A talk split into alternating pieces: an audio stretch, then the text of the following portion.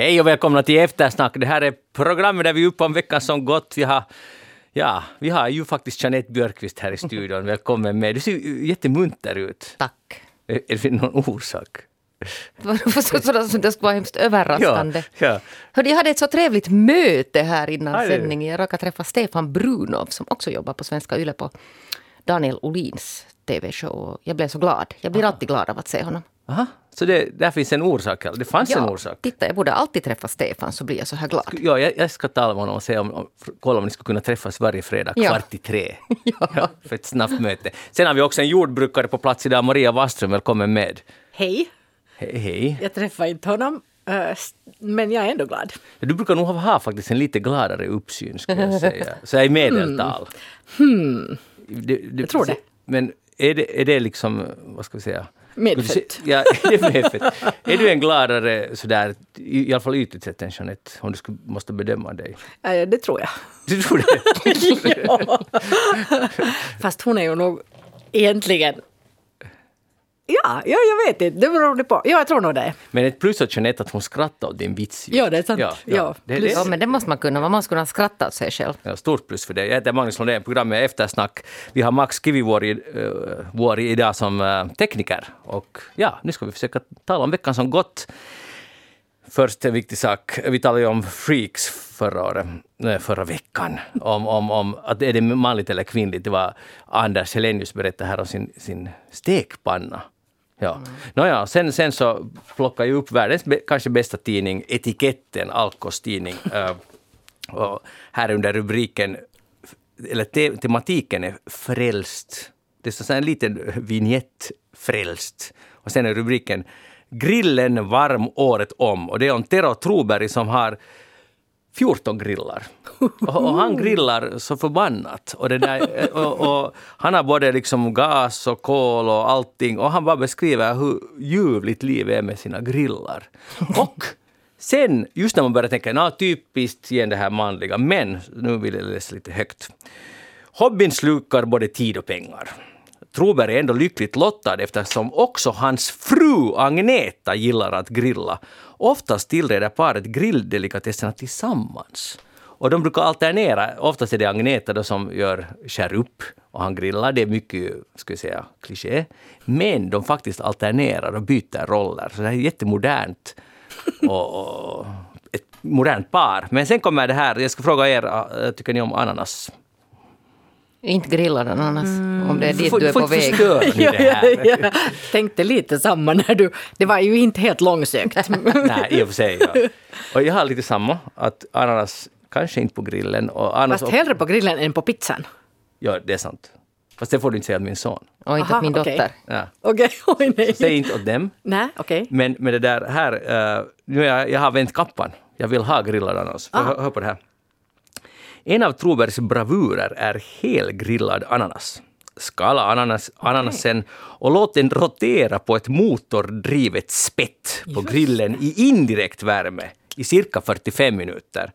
Ös honung som kryddats med chili och kanel över ananasen ungefär var 50 minut.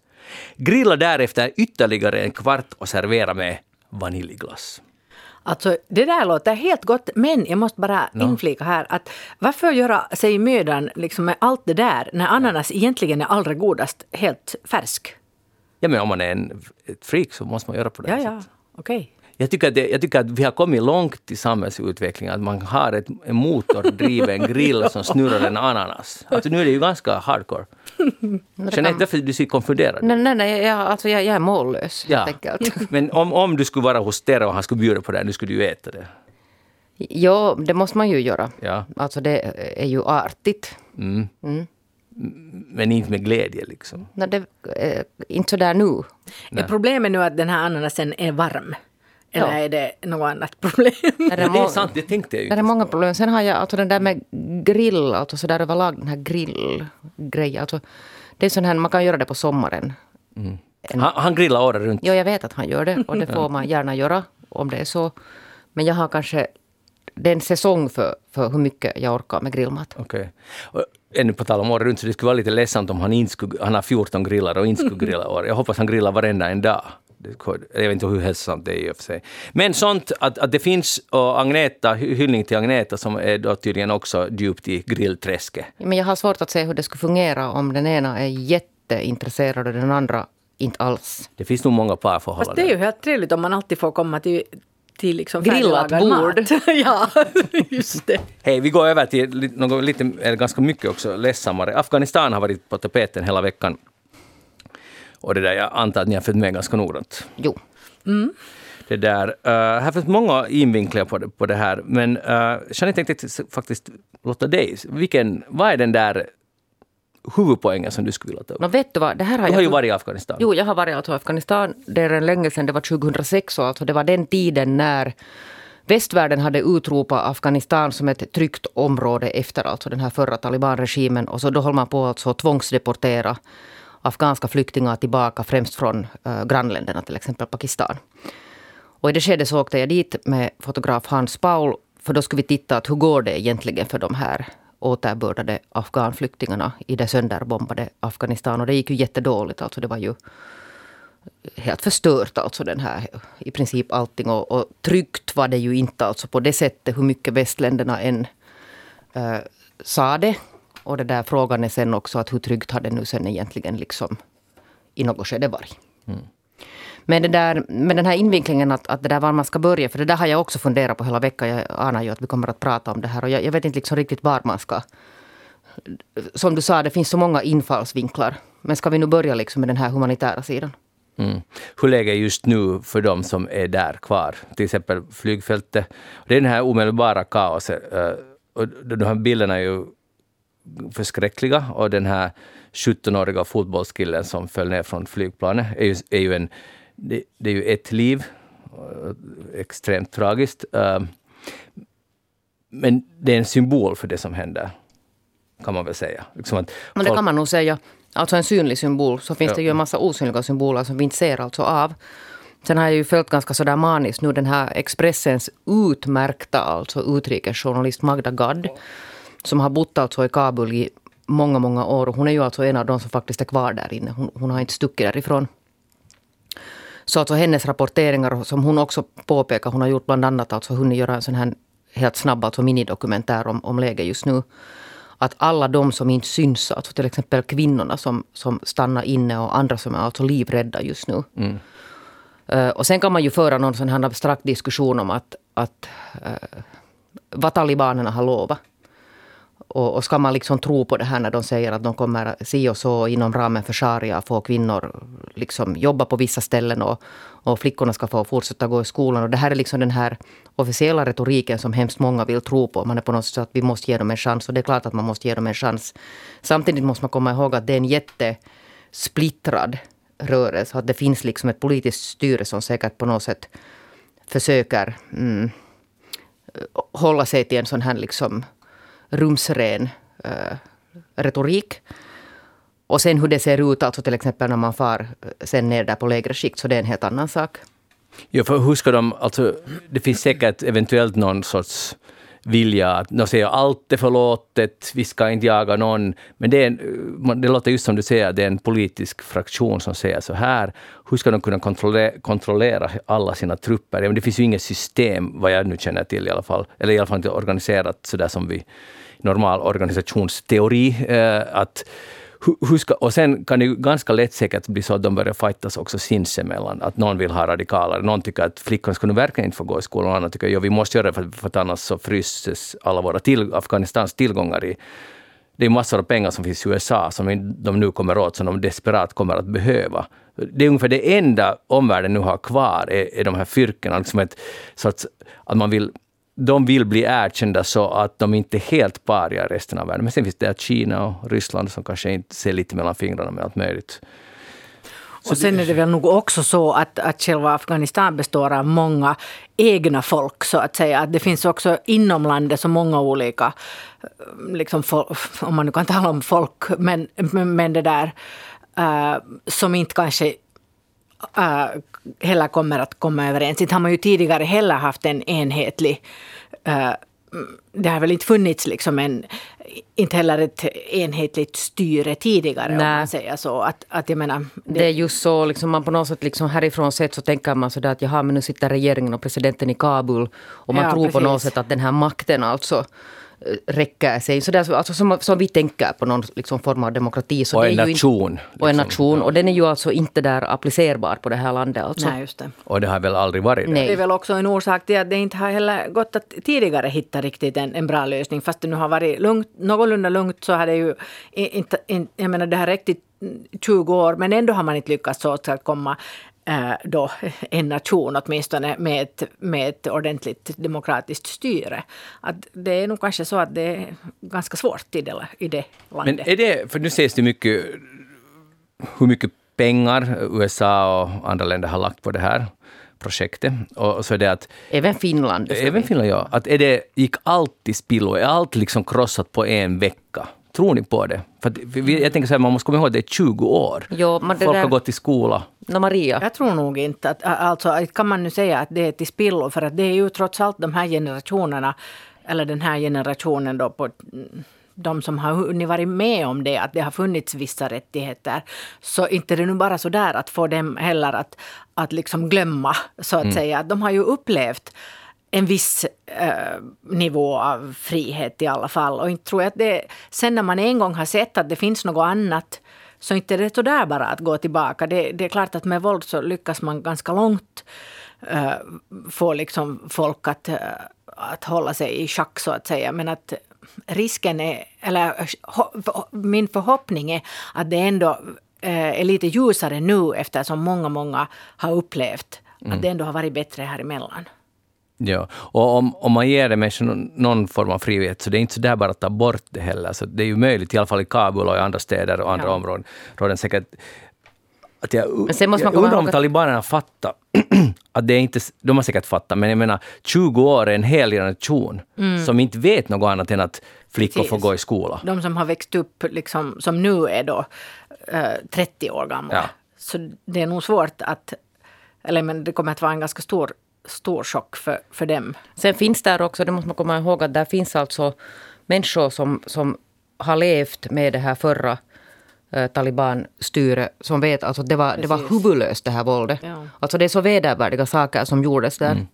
Eh, om man läser liksom in sig på det här. Att, att jag förstår otroligt bra den skräck och den rädsla som, som det där också direkt kommer. För jag tror att det är någon slags sån här kollektivt mm. liksom, kollektivt minne och en ja. kollektiv berättelse som man har. Att fast man kanske inte själv har levt den så får man det med sig.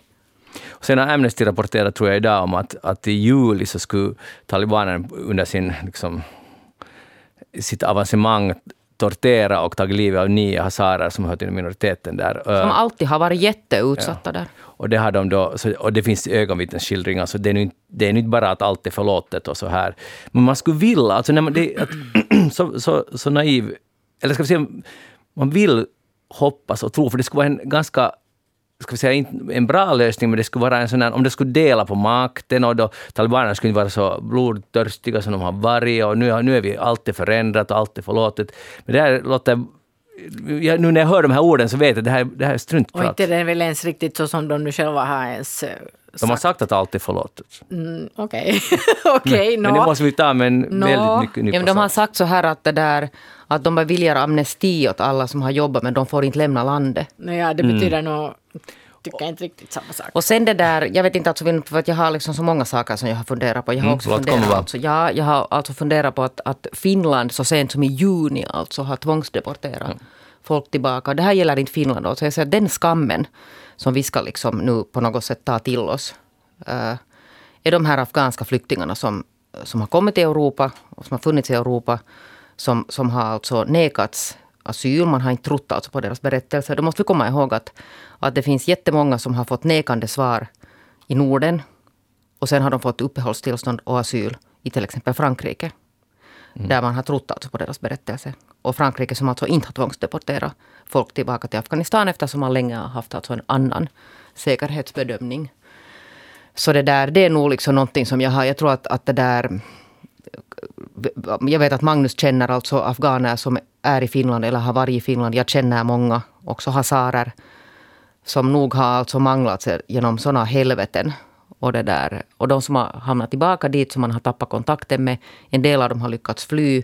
Helsingin Sanomat hade hittat någon som, han, sån här som hade blivit tvångsdeporterad tillbaka till Afghanistan, som sen hade lyckats ta sig till Lettland. Och där sitter man alltså nu i kläm. Mm. Och man sitter alltså i kläm i några sådana fruktansvärda alltså flyktingläger i, i Grekland och i Turkiet. Jag tänker att här, grattis västvärlden. Mm.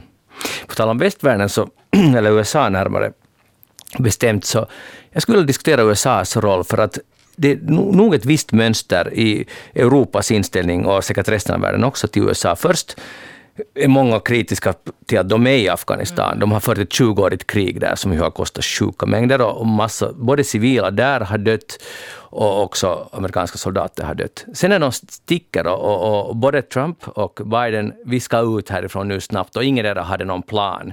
Alltså otroligt amatörmässigt sen när man ska bort därifrån och, och ansvarslöst av båda. Uh, nu skyller de ju båda på varandra, vilket är extremt patetiskt, men det är ju så det funkar. Men i alla fall, uh, sen när de sticker så är vi alla, varför, hur kunde ni göra så här, varför stack ni? Och sen är annars är alla alltid ganska, eller inte alla men många kritiska till USA, är någon sorts världspolis. Nu vill de inte vara det mera. Vad tycker du Jeanette? Om det här? Jag menar, hur ska man förhålla sig till det? Till vad? Till USA. Alltså i, i det att, att först är vi kritiska, sen när de sticker är vi också kritiska. Ja, men det handlar ju kanske inte om USA, men alltså på något sätt så Visst handlar det om USA? Ja, ja alltså, eller det handlar alltså om vår inställning till USA alltså som, som världspolis. Men om man tänker på den där USA, så på sätt och vis alltså det kanske vi liksom... Vi, jag vet inte, är vi eniga? Men i alla fall så, så nu förstår man ju också, också den synpunkten. Att det kan inte vara alltså på USAs axlar mm. eller andra länders axlar att upprätthålla ett land eller freden i ett land eller liksom stabiliteten i ett land i evighet. Så är det ju alltså. Mm. Och, och, där finns ju liksom någon korn av sanning i det här att, att sen när man drar sig ut att allting kollapsar och liksom talibanerna tar över på liksom nolltid. Uh, att på något sätt liksom den här viljan måste ju finnas alltså inom landet också. Sen finns det en massa tusen förklaringar till varför mm. det gick så här. Och liksom varför det inte fanns den här den här... De har ju nästlat in sig lokalt överallt, korruption och allt möjligt. Det finns säkert massa olika förklaringar för olika regioner i landet. Ja, det är just exakt så. Alltså det, det, är så otroligt komplicerat, alltså det här landet. Men det där... Men jag menar inte att Sen vet jag inte, alltså jag är inte riktigt alltså militärstrategiskt alltså kunnig för att säga att hur borde det här ha gjorts så att det skulle ha funkat.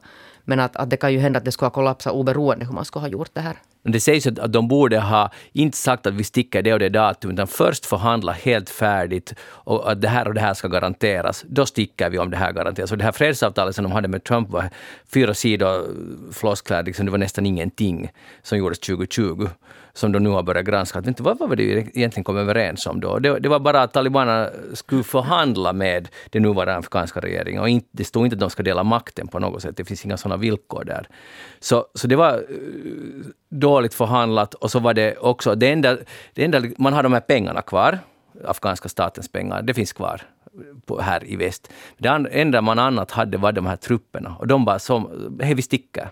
Utan att ha uppenbarligen någon plan för hur vad ska vi göra med alla de här som kanske blir förföljda sen? Alltså det, det, det verkar bara så huvudlöst och så att efter 20 år har man haft råd och sen hängde det på typ några veckor. Och inte vet jag om det är så här, men det är många som har sagt att, att ni ska förhandla på ett annat sätt och inte gett ett slutgiltigt datum när vi garanterat sticker. Men det handlar säkert om inrikespolitik i USA också. Biden vill veta att där har Trump en poäng. Folk i USA orkar inte vara 20 år, inte skulle vi heller orka kriga ett krig på andra sidan världen. Alltså, det går ju mm. inte. Alltså du borde ju ha, ha, ha liksom sett still att det skulle finnas resurser för den här, då, du talar om nuvarande regering, men, men alltså dåvarande vad man, vad man ja. ska säga. Uh, att, det verkar nu som att det inte ens fanns riktigt vilja där. Nej. Att om man bara ger upp så där snabbt så, så det fanns liksom inte förutsättningar riktigt. Ja, inom Afghanistan. Ja. Men det är ju just det att, att vad skulle sen ha förändrats om man skulle ha gjort det i steg? Jag vet inte. Att, och hur mycket, det, det, är klart att nu börjar man ju lite fundera på det, att hur mycket kan en, ett annat, en annan stat upprätthålla liksom ordning hur länge som helst? Och varför? Och varför? Att nu måste ju, ja, jag tänker också som du sa. Det finns orsaker. Mm. Det måste ju finnas liksom, nu måste ju komma inifrån det där att de måste ju själv bygga upp sitt land. Men att det kanske inte var rätt stil att, att sticka på några veckor utan att ha... Att ha men det, det var lite mycket, ansvarslöst kan man väl kanske tycka att det var. Det var ju inte så mycket trupper kvar ens mera. Det var ju bara, vad jag förstod, några tusen här i Kan det också vara så att, att, att, om man har ett, ett annat land eh, som, som liksom styr och ställer och, och, och om alternativet till det är, är liksom en sån här talibanregim, så att man blir, att också folket då blir liksom så på något sätt... Uh, Passiverat? Eller? Ja, att, det, att, att man tänker att det är nog alltid någon annan som bestämmer för mig. Att inte kan jag nu mm. jag, ha något att komma med. Jag vet inte. Men det verkar ju som att det liksom inte finns någon, någon vilja riktigt att, att organisera ett ordentligt och, liksom styre. Och också att, att, skicka demokrati på export med vapen i hand verkar ja. inte vara helt funktionellt heller. Så det är extremt säkert komplicerat. Uh, Tror ni att, att man vill ju vara positiv, för det finns kanske ingen orsak, men finns här, någon, finns här något hopp? Alltså det där, jag är nog nu tyvärr alltså den här, den här veckan, vi kan titta sen nästa vecka, men jag, jag är inte alltså särskilt hoppfull just nu. Jag vet alltså det där, eller vi vet ju alla att, att där finns människor som har det riktigt, riktigt dåligt ställt nu. Uh, och som faktiskt alltså är rädda för sina liv. Och, det där, och vi får ju nu se Sen alltså det där är det liksom en egen fråga det här med att man ska sen mm, hämta bort alltså sina medborgare. Och sen alltså då till viss mån den här diverse kvoter på människor som har hjälpt alltså västländerna, också Finland alltså som har talat om att, att det där evakuera. Men det där, nu finns det ju en väldig massa alltså andra utsatta människor kvar. Maria? Ja, och, och, så är det ju absolut. Men samtidigt så inte kan, inte, inte kan vi heller hitta en sån lösning att vi tömmer landet. Och det, det går ju inte i praktiken. Att, att, vad gör man sen? Och det är ju egentligen mest synd antagligen om de just som, som gömmer sig någonstans i sina, i sina uh, ruckel någonstans i eländiga omständigheter och är väldigt rädda och bränner upp all dokumentation om deras forna liv de senaste 20 åren. Det finns ju alla, alla, alla lärare, journalister, säkert tjänstemän. Tjänstemännen kommer, för de, de, de behöver den här nya regimen, kommer behöva tjänstemän som vet hur man fixar byråkrati. Så de kommer att säga att ja, hej, fortsätt jobba bara, och så jobbar de för den nya. Det tror jag de är kanske inte de mest utsatta. Det finns säkert tjänstemän som är utsatta, men, men alla sådana här som har jobbat på något universitet och eller som har varit tolkar eller jobbat med några NGOs. Det finns alla möjliga. Och så ska ni komma ihåg att det, där, det har ju kommit sådana människor, alltså bland de här alltså som, som har sökt asyl alltså i Europa, så har det kommit sådana människor som alltså har anfört bland annat det att de har jobbat med med det där eh, västerländska, alltså diverse organisationer och därför alltså är utsatta. Som har nekats asyl. Uh, och sen alltså till viss grad har de också alltså saknat papper, alltså helt enkelt för det att, att det, det är farligt. Så det är som människor bränner upp sina papper. Mm. Så jag bara ser framför mig att sen när sådana människor lyckas ta sig ut därifrån och försöker alltså då uh, söka asyl så kan jag säga alltså det här finländska migrationsverket som sitter där. Jag menar att nu måste du nog ha liksom papper på det här. Att man på något sätt inte förstår mm. omständigheterna i det land där människor har stuckit ifrån. Ja, för man tror på något sätt att allt finns eh, dokumenterat så som vi skulle ha dokumenterat om man har haft en arbetsplats. Ja. Och, och, det kanske har funnits, men det, man har bränt Nej, men det där, det där är ja. jätte, jätte ofta alltså ett problem ja. för, att, för att när alla länder inte fungerar och har man inte alltså varit utanför Finland eller liksom rest särskilt mycket sådana, så fattar man alltså inte att när det inte funkar, det finns inte någon sån här magistrat dit man liksom bokar tid på nätet och går och hämtar ut sina papper. När det liksom finns inte mm. i stort sett i några andra länder än, än kanske Europa, USA i någon mm. mån. Inte så USA faktiskt. Det finns en app som heter, jag har talat om den tidigare, heter Radio Garden. Och igår kväll sysslade med, det är alltså, det heter en karta eller en jordglob på skärmen. Och så ska man snurra på den och så finns det små röda prickar. Allt det där, det finns en radiostation. Och så tog jag in Kabul igår då. Och, och jag måste säga att jag satt där i min soffa i den otroliga tryggheten som min egen soffa utgör. Och så zoomar man in på Kabul och där, kom, där kunde man då lyssna på två radiostationer och det känns... Det här är ju helt irrationellt, men det kändes som om... Som om inte som om jag var där, men som någon sorts äh, koppling till det här läget. Och där kunde man höra, jag förstår ju ingenting vad som sägs i Kabuls stadsradio eller någonting. Äh, och då vet jag inte heller var det är en privat radiostation som kanske får verka fortfarande. Det kommer i alla fall musik därifrån. Uh, typisk i mina öron afghansk musik. Men i alla fall, jag fick en sån här kosmisk känsla av att vi är, vet ni, via den här appen, att vi är ändå alla ett. Att på något konstigt sätt så var jag kopplad till Kabul. Kan ni förstå det här? Nej. Ja, men jag, jag vet inte just det där, men, men jag tycker att det, det är ju precis så där som du säger, att vi är alla alltså ett. Det här är en värld. Alltså jag tycker att den här veckans kanske märkligaste fråga ställdes i finska TV, den här kvälls-TV-nyheterna halv nio. När den här, det är tydligen då så att jättemånga människor har ifrågasatt, jag kan inte liksom tänka mig att varför ställer man annars en sån fråga, eh, har ifrågasatt att varför talar plötsligt liksom alla finska medier så mycket om Afghanistan. Och då hade den här nyhetsankaren hade Pekka Haavisto i, i studion, tror jag det var det. Nej, det var deras egen, förlåt, deras egen, egen utrikesjournalist. Och då ställde hon frågan på ett sånt här sätt att, att det där, just på något sätt liksom ifrågasatte det här att varför är det nu viktigt att vi talar om Afghanistan? Mm så att, och han svarade på något sätt jättebra den här, så att, att bara det att vi är människor så gör att vi borde bry oss om det här. Att det är inte något liksom avlägset, att det är liksom ändå trots allt liksom, är vi alla människor på ett jordklot. Bra. Utmärkt. Hej, börjar ni tröttna på munskydden eller tycker ni att det är vår plikt för att förhindra spridningen? Maria? Äh, vi börjar nog tröttna på dem. Börjar vi tröttna? ja, det börjar vi nog. Aha. Men äh, jag är nog ganska ordentlig av mig så jag går nog med munskydd fortfarande. Ja, det, jag tror att de flesta gör det. Ja, absolut. Ja. Men, men, Plikttroget drar man på, det, på sig det och det tänker jag göra så länge det är samma så som det är i Finland. Men jag måste säga att det börjar lite, man börjar vara lite trött på det. Det börjar töckig Ja. så att säga. Ja. Framförallt det här alltså också när man, när man träffar folk att, att man alltså missar människor som man... Man känner ju inte igen människor. Ja. När man inte ser Och sen vet man inte vad har ansikten. de på hjärtat. Alltså den här eh, icke-verbala kommunikationen så ser man inte. Man måste läsa allt från ögonen och det går ju nog men det börjar vara... Men, men okej, men nu, det, därför tog jag upp det för att uh, Hobel har ju haft lite så här nästan kampanjjournalistik den här veckan. Att Norden, eh, resten av Norden har skippat det här, i alla fall Danmark, Norge, Sverige. Att det finns absolut inget obligatorium. Och så talade jag med min son som sa att han, får, han jobbar på en svensk tidning. Och han sa att han har inte haft munskydd på sen lite före midsommar när han for dit. Den, då när han reste in i Sverige, då hade han. Sen märkte att oj, ingen annan har. Att man helt enkelt inte har det och, och det är absolut inte aktuellt. Dessutom är ju deras just nu, deras covid-19-läge bättre än i Finland. Alltså inte historiskt sett, men just nu-läge i alla fall. Men och, så hade ju HBLs chefredaktör till och med den här kolumnen att nu borde vi nog få veta en tidtabell när det här ska bort. Jag tycker att det var lite fräscht. Ja, Att det var jättefräscht. Ja, det, det är inte...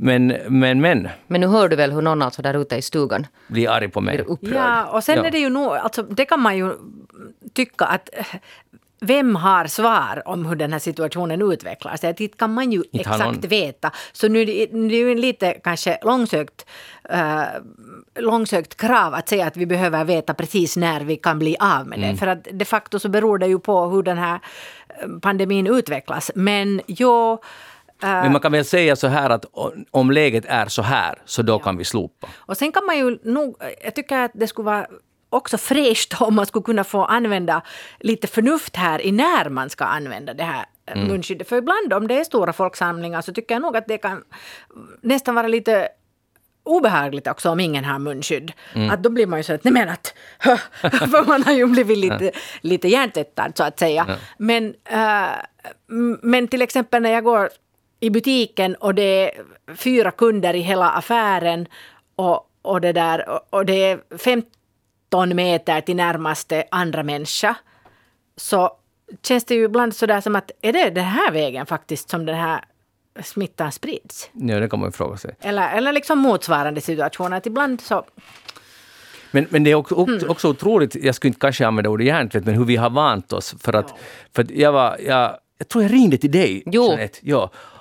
Att vad ska jag göra? Jag stod utanför Aleppo och jag måste gå och köpa typ en kiwifrukt eller något liknande. Eller äpple. Kiwi. Ursäkta. Och då ringde du till Ja, Jeanette. Jeanette, vad ska jag göra? För jag hade glömt mitt munskydd. Jag var alltså helt sådär pisse. Och sen, sen så sa du att nå, vad sa du? du sa, Jag sa gå in nu bara. gå in. Och så gick jag dit. Jag har aldrig susat genom en butikskorridor så snabbt. Och det var ju ingen annan heller. Men och sen till snabbkassan tänkte jag att jag liksom döljer mitt face. Ingen ser mig, ingen blir smittad, fast jag inte var smittad själv. Och sen snabbt ut. Och ändå hade jag morkis efteråt. Alltså, på hur, tal om hur har det skam, blivit så här? alltså. Det, det, ju- Ja. Exakt! Jag brukar inte känna skam, men nu kände jag skam. Ja, men dessutom har de nu för tiden nog i de flesta butiker tycker jag sådana här engångsförpackade Här fanns inte. fanns det inte. Nej. Oj nej, okej. Men, fanns men ofta finns jag det. tog jättedemo och tittade, nu tar jag Cassidy, Ja. medan, jag, medan jag sprang. Naja, men men äh, ja, i alla fall så, om, om vi nu tänker Norden är ju länder som har ju haft också ganska strikt linje och de har nu beslutat nu, nu, nu, nu är det tillräckligt. Så man skulle tro att Men- Finland hakar på snart. Sen måste jag, jag måste kanske på ett sätt lite ta tillbaka att jag tycker ju att munskydden är bra om det är så att man till exempel eh, skulle kunna då istället ordna evenemang som eh, teaterföreställningar till exempel. Att istället för, för att man ska, måste ha de här två meters avstånden som nu eventuellt då skulle kippas. Men, eh, men jag menar om alla sitter där med munskydd på så kanske det det tycker jag däremot inte- inte är så farligt. Alltså om man bara sitter ner och följer med med en föreställning till Nej. exempel. Eh, så, så om det liksom är en förutsättning för att man ska kunna ordna saker, så då är det ju nog helt bra om man använder det är det på det sättet. vaccinationen, man skulle tycka att, det skulle börja, att vi skulle börja vara där. Jag var på bio på onsdag och något mera coronasäkert har jag nog inte någon förstås har varit med om det, men det var liksom varannan rad och dessutom typ fyra platser mellan åt sidorna. Det är Mm. helt supersäkert, alltså Ja.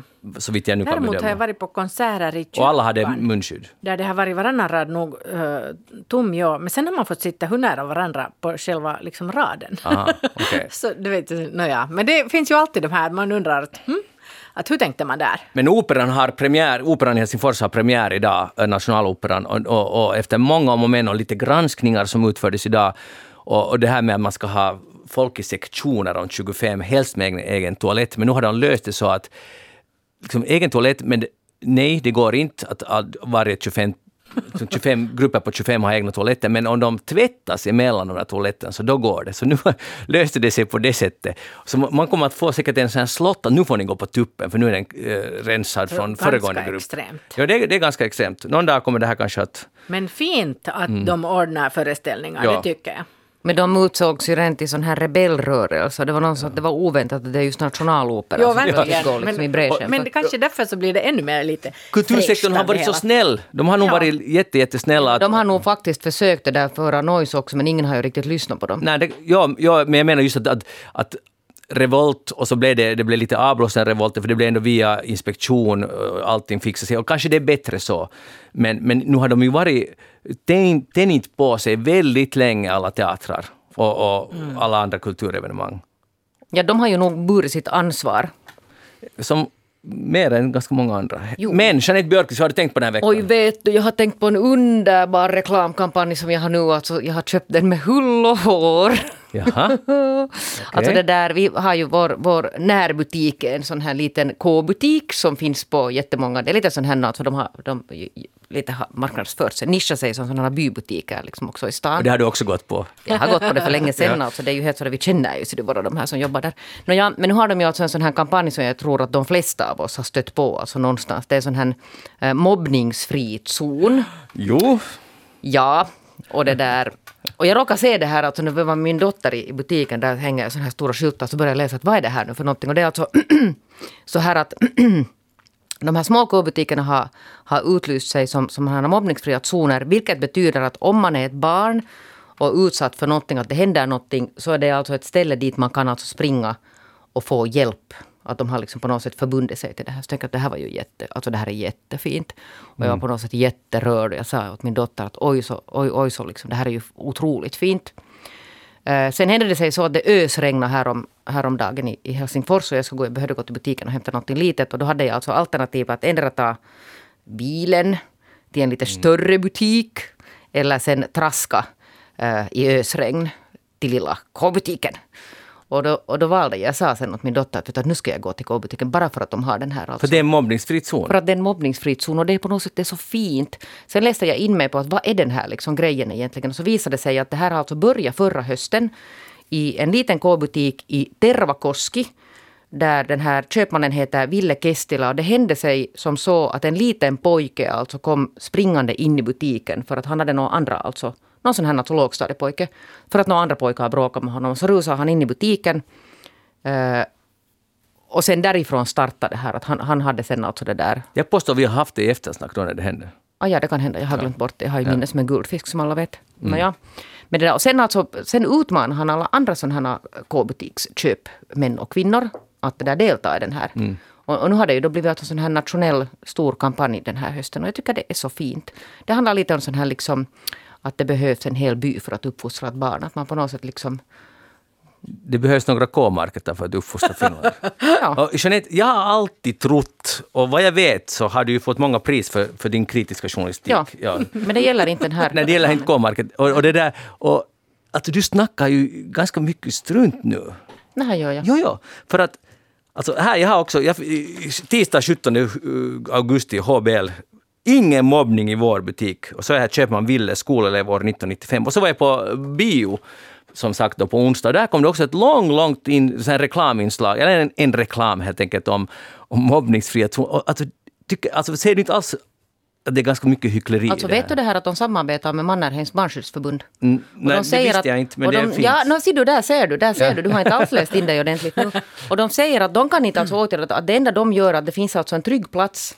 Om inte det här barnet eller ungdomen hittar något annat ställe så kan man springa in till butiken. Och vad ska komma? Gäller det här förresten vuxenmobbning Nej, men det var ju dit jag skulle komma alltså fram. Och så säger de att de kan inte göra någonting annat än att åtgärda det här och se till att de kontaktar alltså vuxna det där akuta.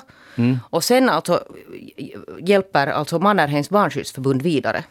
Okej, men det är ett ganska Mm. bisarrt samhälle. Man ska springa in i K-butiken när man blir mobbad. Alltså borde inte samhället sådär Nej men det vet du väl själv att, att det inte funkar? Ja. vet du själv att det inte Men jag tror funkar. inte heller det kommer att funka nu. Jag tror inte på att alla K-marketer där under rusningstid, det kommer någon vuxen eller barn och säger att jag är mobbad. Och, så, och jag tycker också det är ganska konstigt, eh, konstig signal till, till både barn och vuxna säga att det är i den här matbutiken du får hjälp. Alltså, jag, eh, Nej, men det är det här alltså är ett trick. Jo, men alltså det är ju mera... Business det är ju trick, och det är alltså bra mera, som men så, det är ju alltså mera en signal att det där förstår att så där som det förr i världen så var det säkert så att, att man förstod liksom att det fanns liksom att, att hände det någonting så far man liksom till närmaste ställe. Ja. Men den liksom på något sätt, den attityden har ju försvunnit.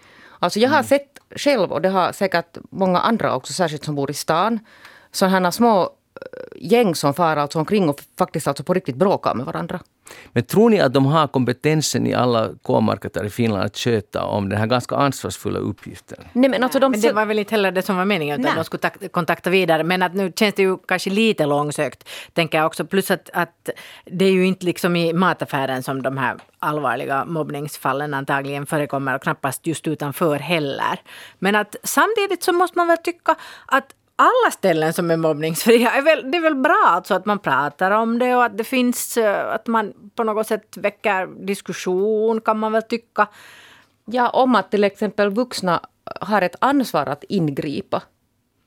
Om man Ja, ser alltså någonting. Ja, fast om man står då utan, utanför K-butiken så behöver man inte ingripa. Utan man säger att gå in där till köpman, att hon hjälper dig. Hon hjälper han. dig. Jag har, jag har lite brådis just nu. Ja. Rektor, rektoren kan säga att skicka barnen till K-market. Alltså, jag tycker bara att det är en ganska konstig värld. Världen är ju konstig, det, måste man ju hålla med om. Och den är också konstigt att du, att du sväljer det här. Alltså förlåt. Men- Men vad, alltså, tycker du att det är dåligt på något sätt? Det är ju inte dåligt med mobbningsfria zoner, nej, men jag tycker att det, det är ett konstigt grepp och jag, tyvärr är jag lite cynisk när det gäller K-markets marknadsförings... Liksom, de har nu tänkt ut att det här är kanske nyss... Så här får vi eftersnackat snacka om K-market och nämna Nej men det här var helt, alltså det har börjat, det var liksom Ja, inte sådär att det är någon visst. marknadsföringsteam som har suttit och funderat ut det här. Utan det är alltså en köpman som bo, alltså har sin butik nära en skola där han alltså har sett sånt Ja. här pågå jättemycket. Och han är tydligen en sån här där på orten, alltså sån här känd för att ha ganska bra relationer alltså med de här unga. Att han är liksom på något sätt eh, Och det är fint. bekant för dem. Och det, Det kan fint. helt bra också hända ju. Att det, jag menar att hela det här uppsåtet låter ju jättebra och på alla sätt. Men sen när det blir en sån här stor kampanj så kan det ju samtidigt... Jag menar, måste ju också finnas det där att hej, det här är ett sätt att att liksom eh, visa hurdana värderingar vi som affärskedja har. Mm. Så att, att det liksom, man tutar ut en viss... Det är ju liksom en fråga om image. Men jag ser alltså ja, det också som att... saker kunde man ju och jag ser det alltså mera om. som att man, alltså, att man samtidigt alltså bidrar till att, att på något sätt liksom signalera att samhället överlag alltså borde ha en sån här...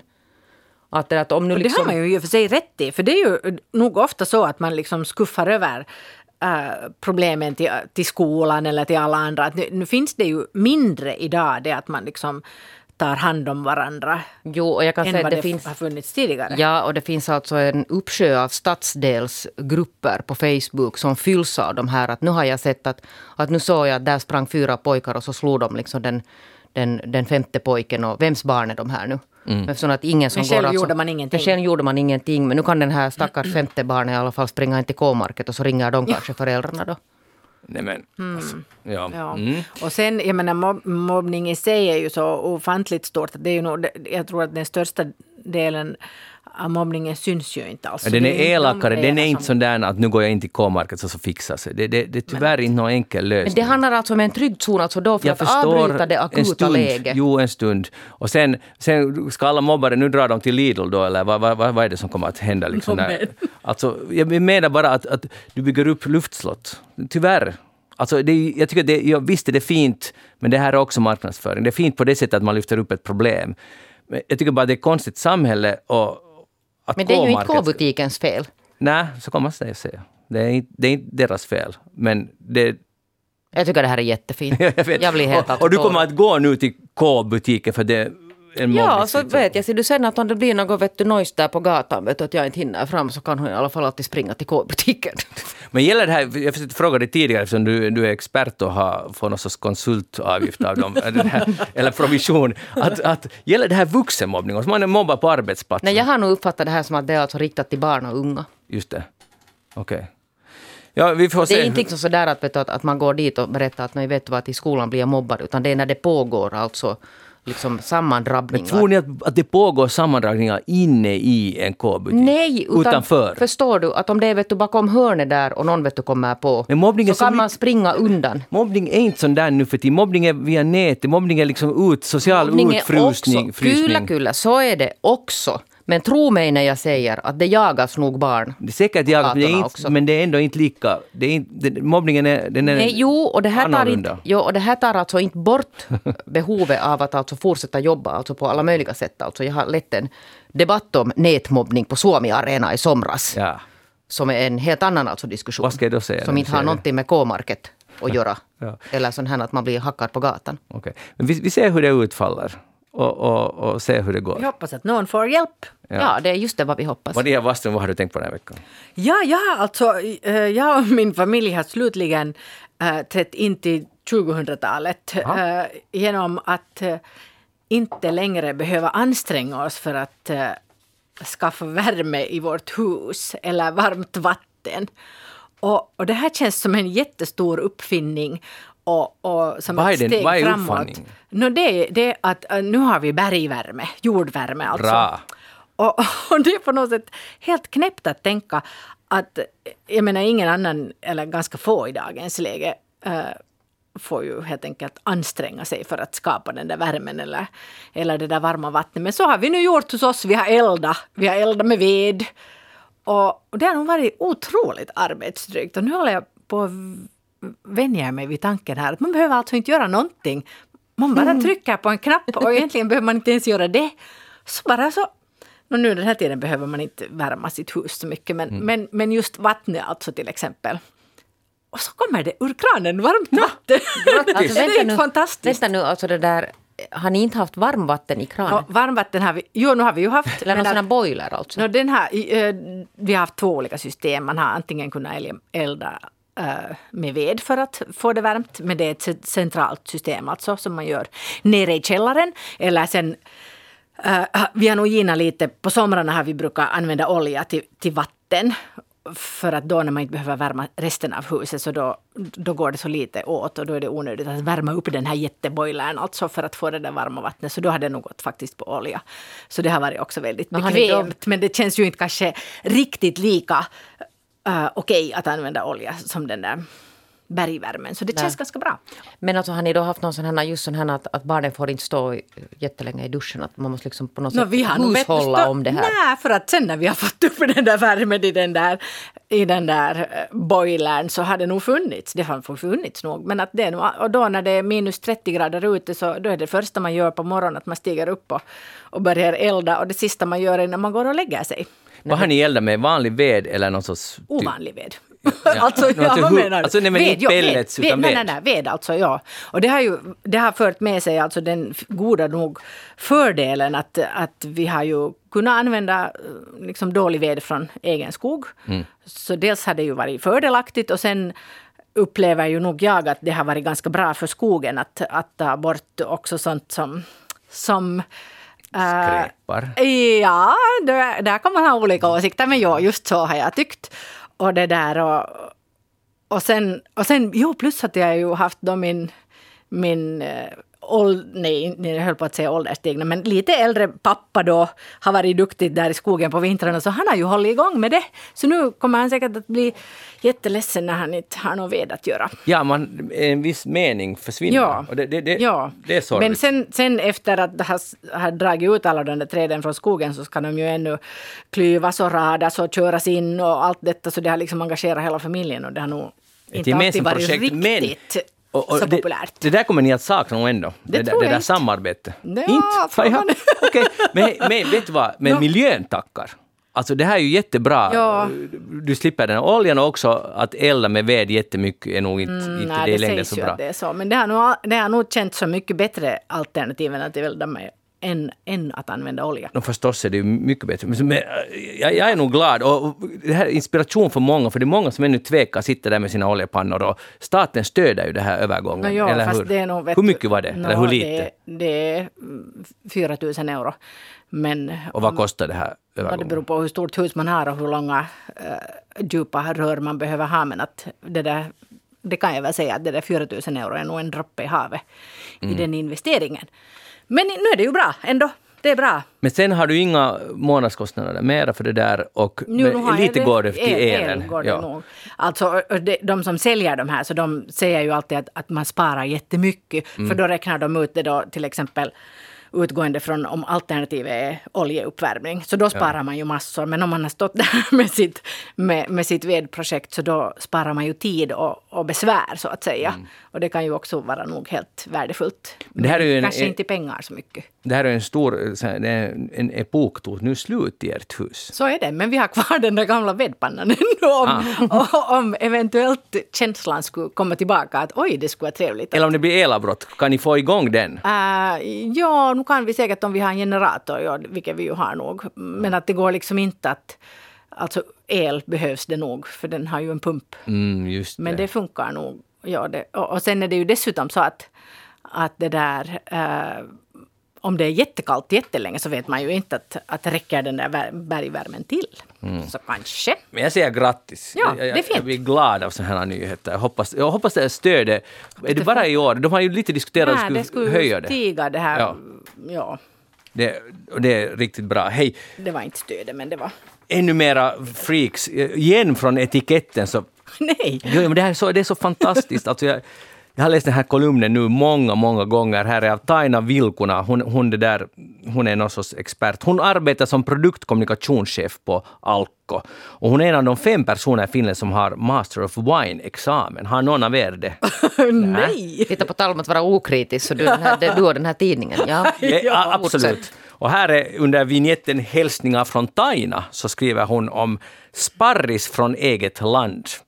Och hon har nu kommit fram till att, att när hon var i Alsace på en eh, vinresa så fick hon jättefärsk eh, sparris och tillsammans med någon muskatvin eller hur det nu var så blev det alldeles fantastiskt. Så började hon fundera på att hon skulle odla det här själv. Och det är tydligen inte så lätt att odla sparris i Finland. Och det tar många år med trial and error och, och så vidare.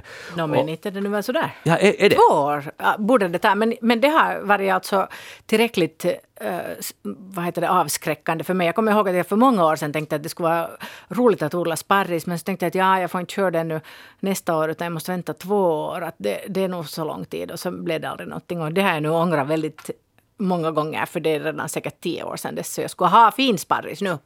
Du skulle ha, du skulle ha fått många år. Och jag har Ja. nu antagit utmaningen. Det är inte så att Taina skriver att vem kan odla sparris, men jag blev så taggad att jag ska verkligen börja odla sparris. Ja. För att lyssna på det här lyriska sista förklaringen då. Jag drog mitt sparrisintresse till sin spets. När vi skulle äta sparris började jag med att ställa kastrullen på spisen. Först när vattnet kokade plockade jag, plockade, plockade jag de slanka gröna sparrisarna från jorden. Tid från upptagning från jorden till kastrullen 30 sekunder. Bästa koktiden en minut. Lägg sparrisen på tallriken tillsammans med smält smör och parmesanflarn och häll fruktigt, fruktigt rostad champagne i glaset. Vilken lycka! Att, alltså, det här är the stuff. Alltså man odlar sin egen sparris, man väntar i några år och sen, sen kokar vattnet och sen en minut så äter man den där. Och jag har inte ens förut tyckt om sparris, men Taina fick mig på annat. Fundera på, tankar. tänk om det skulle vara Alko som skulle ha utlyst den här mobbningsfria zonen, så skulle Ja. du ha köpt den med hull och hår. Alla in i Alko bara. Alla dit bara få skydd. Men är det inte bättre att, att tycka om spa, att odla sin sparris än att, än att göra reklam för Än att, K-butiken? är, i än att erbjuda mobbningsfria Nej, zoner. det, det talar nu om dig och inte om K-market. Det, det, det håller jag med om. Att, Men mobbnings- alltså, ja, mm. det där kunde man ju liksom applicera också på en nykokt nypotatis som han har tagit upp för tio sekunder sedan. Ja, men det kräver lite. Jag har faktiskt, vi har faktiskt skördat ganska många kilo potatis. Och det var, det var också stoltheten var stor. Jo, jo, precis. Ja. Det gäller ju nog... Men det gäller Olika. speciellt sparris. Ja, ja. och nu ska vi vilja höra från alla lyssnare som, har, Okej. som har lyckats med sparris och har de, har de den här samma euforiska känslan. Uh, så då, låt komma. Och sen en annan, en annan grej ännu från etiketten. Nej. Jo, jag måste säga. Alltså för här, de har en liten sån här kort notis om hamburgare. Ja, nu har det blivit hemskt pop med hamburgare, de är lite efter sin tid. Här. Nu? Ja, Men Okej. här, är vilken dryck matchar hamburgare? Det är för, oj, ser du, det är också Master of Wine och Alkos produ- produktkommunikationschef Taina Vilkuna som har goda råd om det här. Okej. Och, och, och lyssna! Det här har jag aldrig tänkt på. Och jag, jag vet inte om jag tänker testa det heller. Den som gillar bubbel och vill uppleva något nytt med sin hamburgare prövar på ett glas generöst fruktig rosé-champagne som tillverkas enligt Sainé-metoden. En överraskande välfungerande och bra kombination. Champi, rosé-champis med hamburgare. Otippat. Ja, Maria, vad säger du? Eh, Ja, otippat. Det hade jag inte tänkt mig. Jeanette? Ska vi gå vidare nu? Nej, säg vad du tycker om det här Det kombon. där, jag kanske inte testar det, men det De där... kanske borde ha ekran på, på de här stora hamburgerkedjorna istället för de här mm, andra dryckerna de brukar ha. Så, eller de kunde ha... Just det, på macken. Ha, ja. Eller kanske inte. Det skulle vara något nytänk, att Ja. man får rosé-champagne med sin Kanske det. burgare.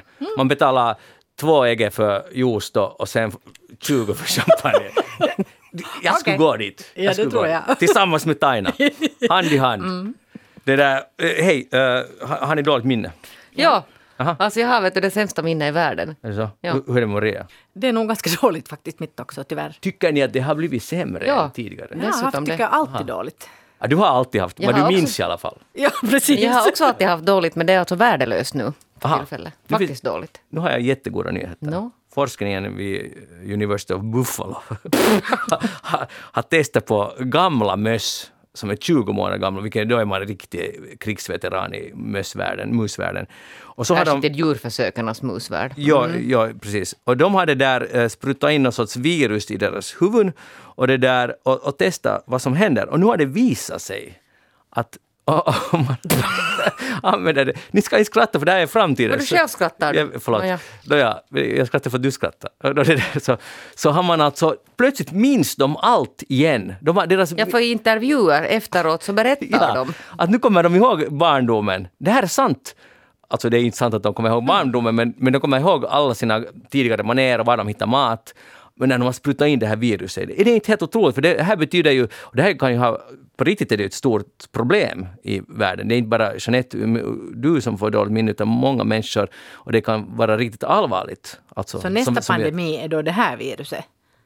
Som nu har spridit sig från University of som man Buffalo. borde låta spridas med andra ord. Ja. De kanske tycker så. Men ty, har ni, för jag undrar bara att han, om de har tänkt där forskningsenheten har funderat på vad skulle det innebära att vi alla skulle komma ihåg allt? Ja, det är nog ganska skönt också det där. Att Jag man menar kan liksom det. dra ett streck över saker som man inte kommer ihåg. Ja, Men det där, nu kan vi ju inte veta på några nivåer.